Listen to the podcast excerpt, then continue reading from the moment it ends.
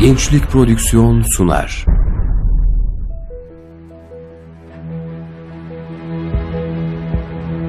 Bizim davamız İslam'dır. Gayemiz Allah'ın rızasını kazanmaktır. Hedefimiz hak nizamını hakim kılmaktır. Arzumuz tüm insanlığın saadetidir. Yolumuz ikna metodudur, cihattır. Bu dava için çalışmak herkese nasip olmaz. İster gecenizi gündüzünüze katarak çalışın, ister yan gelip yatın. Bu hak davanın başarısını ne bir gün öne alabilirsiniz ne de bir gün geciktirebilirsiniz. Bütün mesele bu şerefli davada nasıl bir imtihan vereceğinizdir.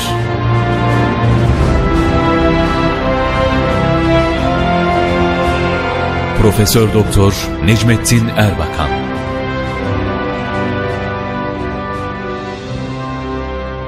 Davam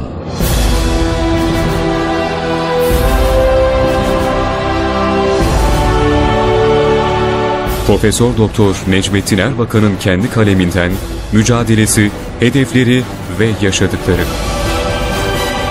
Seslendiren Arif Bildirici.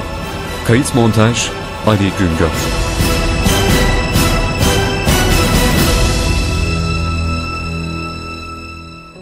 Batı, İkinci Dünya Savaşı'ndan beri en büyük askeri yığınağı Körfez'e yaptı.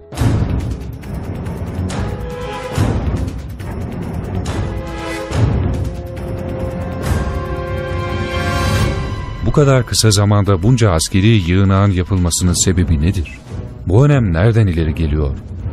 Gerek bu son Körfez olayını ve gerekse 40 yıldan beri cereyan eden olayları açıklayabilmek için petrolün ve Körfez'deki petrol yataklarının ehemmiyetini ve bunun dünya dengesinde oynadığı büyük rolü bilmek mecburiyeti vardır. Yapılan araştırmalar hızla artan enerji ihtiyacını karşılayabilmek için mevcut imkanların sınırlı olduğunu, önümüzdeki dönemlerde büyük güçlüklerle karşılaşabileceğini açıkça göstermektedir. Her türlü tedbire rağmen petrol bugün hala insanlığın enerji ihtiyacını karşılamak bakımından çok önemli bir kaynağı teşkil etmektedir. Diğer yandan bugünkü medeniyetin savunma ve silah sanayinin bel kemiğini de yine petrol teşkil etmektedir. Çünkü uçaklar, tanklar, gemiler petrolle çalışmaktadır. Ayrıca sivil hayatın en önemli unsuru olan taşıtlar da petrolle hareket etmektedir. Bütün bu özellikleriyle petrol çok önemli, hayati ve stratejik bir madde mahiyetini taşımaktadır. İşte bütün insanlık için her bakımdan çok büyük önem taşıyan petrolün yeryüzündeki rezervleri ve üretimi sınırlı bulunmaktadır. Dünyadaki toplam petrol rezervlerinin yaklaşık %10'u Irak'ta, %10'u Kuveyt'te, %20'si Suudi Arabistan'da, %10'u da İran'da bulunmaktadır. Böylece Körfez bölgesindeki petrol, dünya rezervinin yarısına tekabül etmektedir. Bu petrol rezervlerinin bugünkü fiyatlarla değeri trilyonlarca dolar tutmaktadır.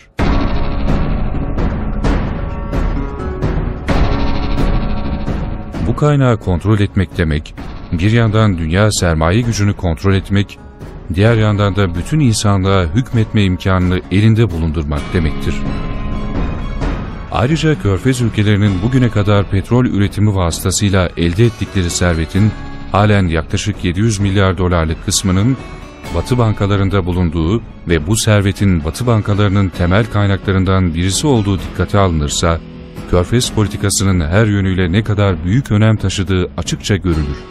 Zengin ülkelerden meydana gelen bir kuzey var. Bu zengin kuzey ülkelerini yönlendiren güç, gerçekte bir ezen gücü oluşturmaktadır. Bu ezen güç, netice itibariyle bir yandan dünya sermayesini elinde bulundurarak, diğer yandan da bankalar, sanayi kuruluşları, uluslararası şirketler, tüm iletişim araçları, siyasi yönetimler ve gelişmiş istihbarat kuruluşları gibi etkili mekanizmalar vasıtasıyla bütün insanlığı sömürmektedir. Bu ezen güç sadece geri kalmış ülkelerin halklarını ezmekle kalmıyor, gelişmiş ülke halklarını da eziyor. Batı veya Doğu ülkelerinde meydana getirilen değişikliklerde sonuç olarak ezen gücün sömürüsünün doğuya da yaygınlaşması manasını taşımaktadır.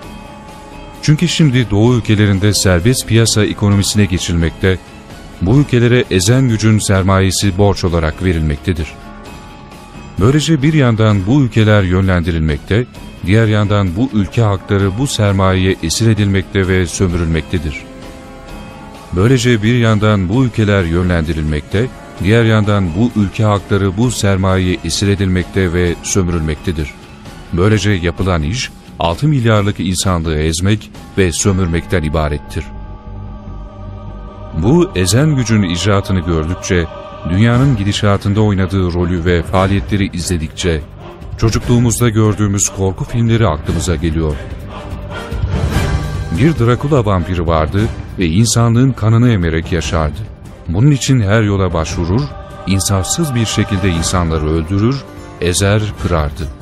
Şimdiki ezen güçte 6 milyar insanın hakkını yiyor, onları sömürüyor, ızdırap ve gözyaşına boğuyor.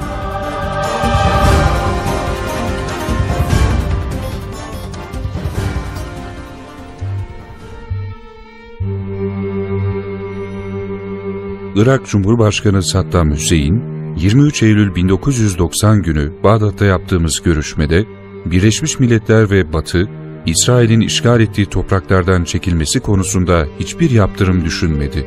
Ama şimdi bize karşı hepsi beraber ayağa kalktılar.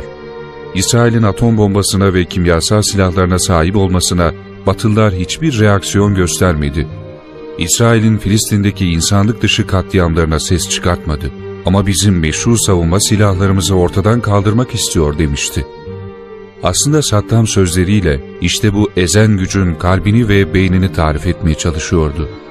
Orta Doğu sorununun bütün boyutlarıyla anlaşılabilmesi için emperyalizmin bölgedeki planlarının bilinmesinde sorumluluk vardır.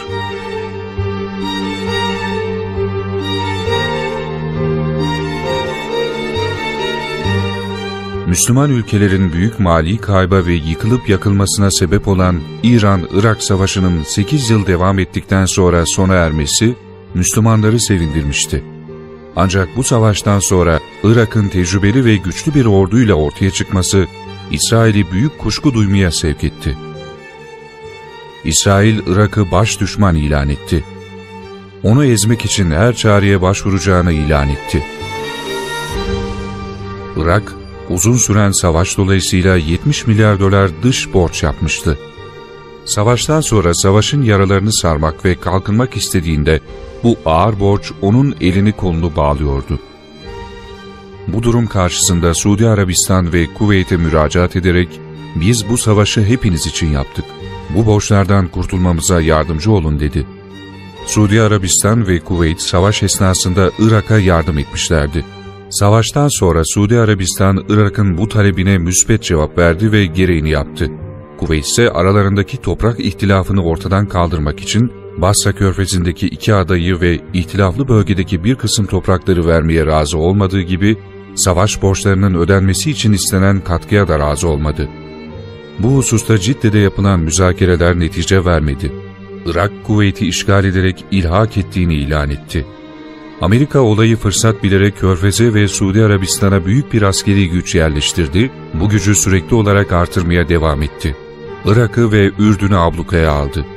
Bu ablukayı delme teşebbüslerine karşı Birleşmiş Milletler'den silah kullanma kararını çıkarttı.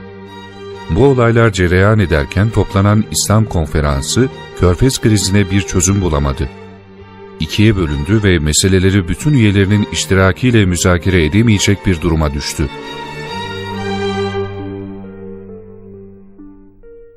Kardeş Müslüman ülkeler arasındaki hakemlik ve arabuluculuk rolü oynaması gereken Türkiye'nin yönetimi ise daha olayların başından itibaren ABD Başkanı Bush'un emrine girerek taraf tuttu ve kardeş Müslüman ülkeler arasında hakemlik yapma imkan ve vasfını kaybetti. İşte bizi 22 gün 22 gece sürekli çalışarak Körfez Barış Harekatı'nı yapmaya sevk eden sebepler bunlar olmuştur. Bu çalışmalarımız 9 Eylül 1990 günü başladı. 1 Ekim 1990 gününe kadar sürdü. Bu çalışmalarımız esnasında dört grup faaliyetimiz söz konusu olmuştur. Bağdat, Mekke ve Trablus konferanslarına katıldık. Körfez krizine çözüm bulmak için Amman, Mekke ve Bağdat'ta Müslüman Topluluklar Birliği temsilcileriyle toplantılar düzenledik. Krizi sulh yoluyla çözmek için Suudi Arabistan ve Irak yetkilileriyle bir araya geldik. Körfez olayı gerçekte insanlık tarihinin beş önemli oluşum çizgisinin bir düğüm noktasıdır. Bunun için biz de bu çalışmalarımızda beş adımın atılması için gayret ediyorduk. Önce çizgiler üzerinde biraz durayım. Emperyalizm yani ezen güç çizgisi. Doğu-batı ayrımı ortadan kalktıktan sonra ezen güç bütün mazlumlara karşı daha pervasızca tecavüz etmeye başladı. ABD, Libya, Dominik, Granada, Panama ve Liberya'daki fiili müdahalelerin ardından şimdi en pervasız ve en büyük tecavüzünü yapmaya kalkışıyordu.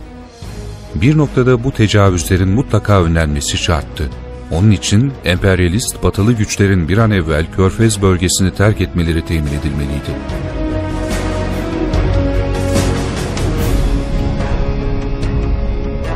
Siyonizm çizgisi Siyonizmin haksız tecavüzlerine karşı çıkılmalı, bir yeni adım atılarak Büyük İsrail'i kurma projesi mutlaka durdurulmalıydı. Bunun için bölgedeki Müslüman ülkeler arasında bir savaşın çıkması ve bunun neticesinde Müslüman ülkelerin harap olması, güçlerinin zayıflaması ve servetlerinin ziyan edilmesi önlenmeliydi.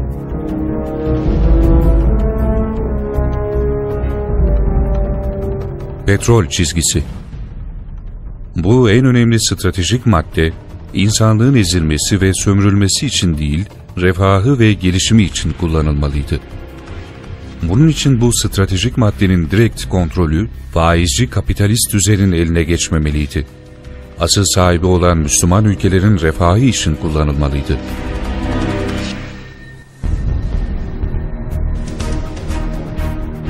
Müslüman Topluluklar Birliği çizgisi Emperyalizm bütün insanlığı sömürmek isterken Müslüman ülkelerin yönetimlerini etkilemeye büyük çaba harcamaktadır.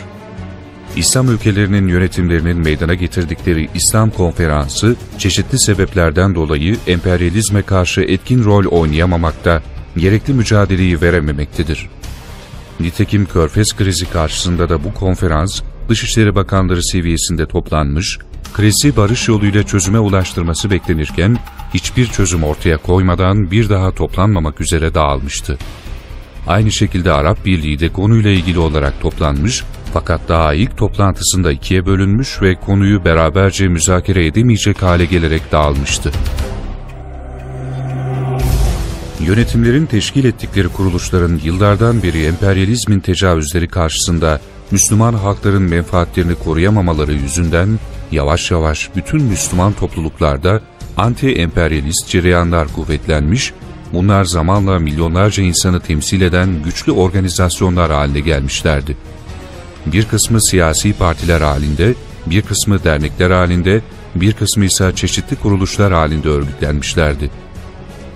MTB yani Müslüman Topluluklar Birliği bu oluşumu temsil ediyordu. İlk defa Amman'da 13 ülkenin siyasi parti ve kuruluşlarının liderleri ve yüksek seviyedeki müşavirleri bir araya geldi. Bu toplantıya giderken bu oluşumun organize bir güç olarak planlı programlı çalışmasını temin etmeyi ve önemli dünya meselelerinde görüş birliğine varmasını hedefliyorduk. Nitekim çalışmalarımız sonucunda bu yönde önemli adımlar atıldı.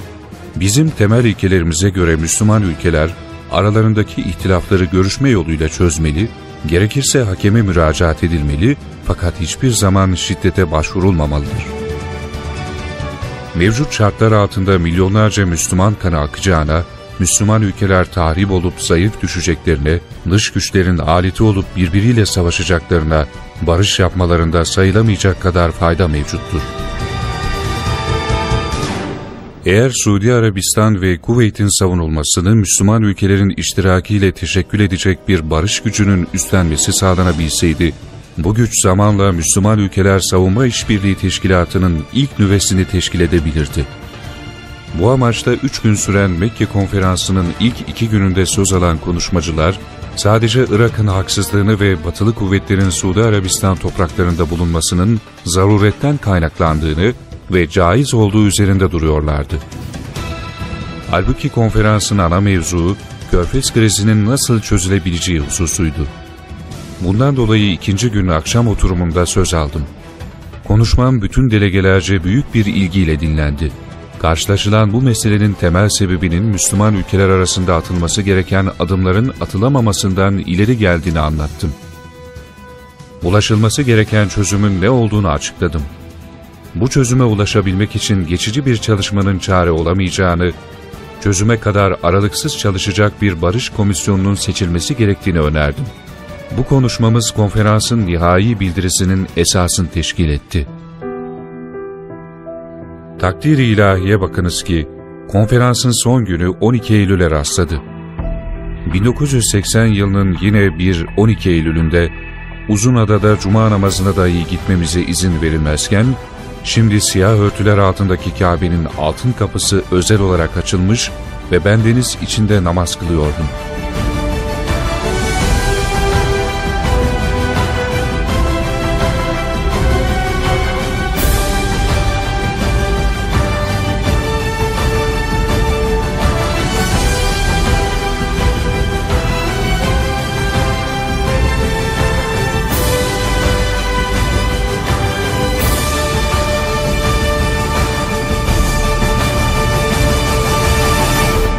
Konferansın ardından ilk temasımızı Suudi Arabistan Savunma Bakanı Prens Sultan bin Abdülaziz ile yaptık. İki saate yakın süren görüşmemiz son derece samimi ve dostluk havası içinde geçti. Daha önceden Körfez'le ilgili olarak Kütahya'da düzenleyeceğimiz mitinge katılmak için 14 Eylül günü Türkiye'ye döndüm. 15 Eylül mitingimizi yaptık. Ertesi günü 16 Eylül'de Körfez Barış Harekatı çalışmalarımızı yeniden sürdürmek için Amman'a giderken Sayın Ecevit'le uçaktaydık. Biz Amman'da Irak Büyükelçiliği yetkilileriyle Bağdat'ta yapacağımız seyahatin programını tanzim ettikten sonra aynı gün Cidde'ye geçtik. 17 Eylül Pazartesi günü Müslüman Topluluklar Birliği ile bir toplantı daha yaptık.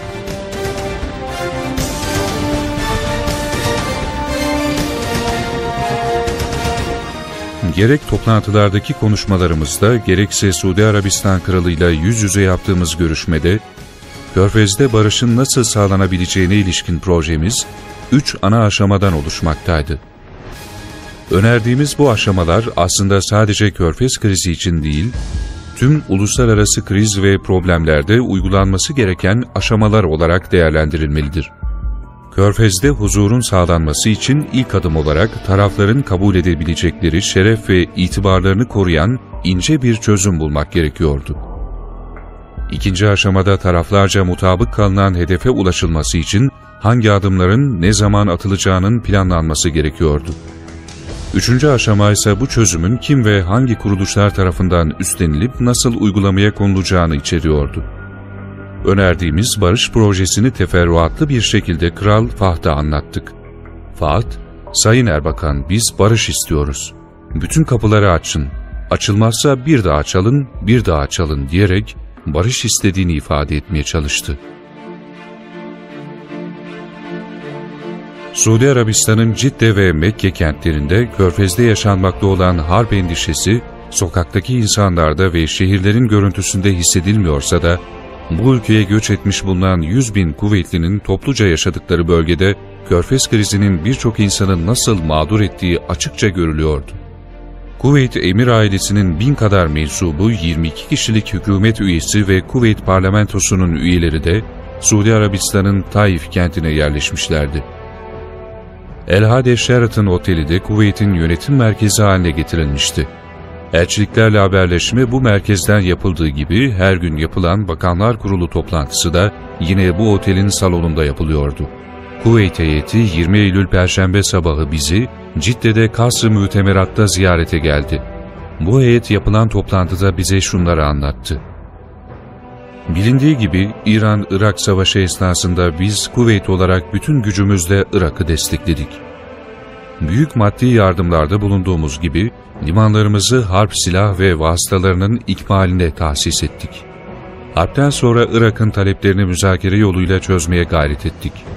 Cidde'de iyi niyetle bu müzakereleri sürdürürken bu görüşmeler Irak tarafından aniden kesildi. Kısa bir süre sonra da askeri birlikleriyle harekete geçerek kuvveti işgal ettiler. gerek işgal esnasında gerekse bugüne kadar gelen süre esnasında işgal kuvvetleri Kuveyt halkına büyük zulümler yapmıştır. Görülmemiş çapta göçler yaşandı. Yüz binlerce insan mağdur edildi, perişan oldu. Her şeyimiz yağma edildi. Evlerimizdeki kıymetli eşyalar alındı, götürüldü, petrokimya tesislerimiz sökülüp Irak'a taşındı.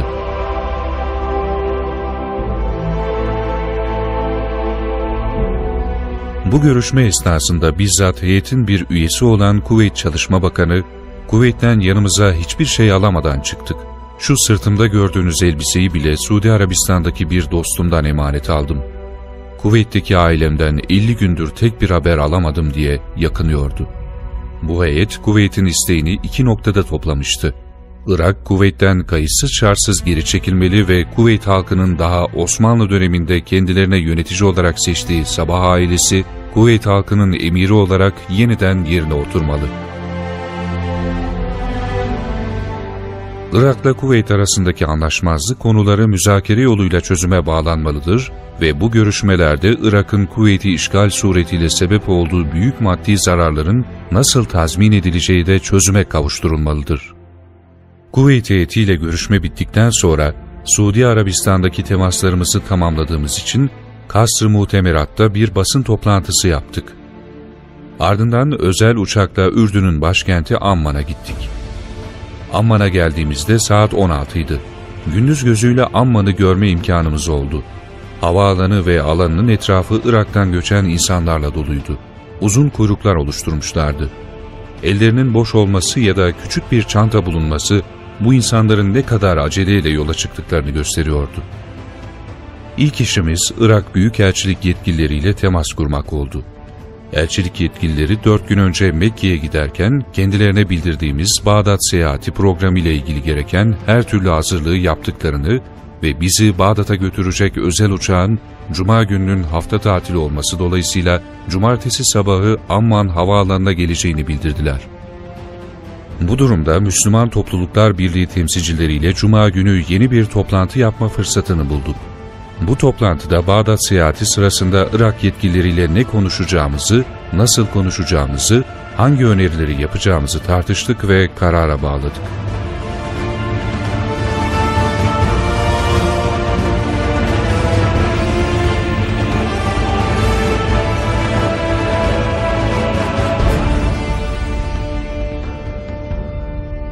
Davam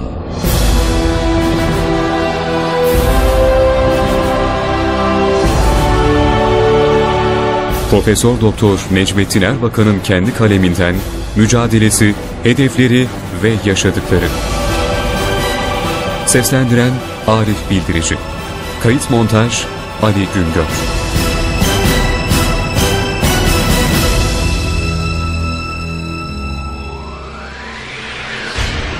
Gençlik Prodüksiyon sundu. 0332 350 7801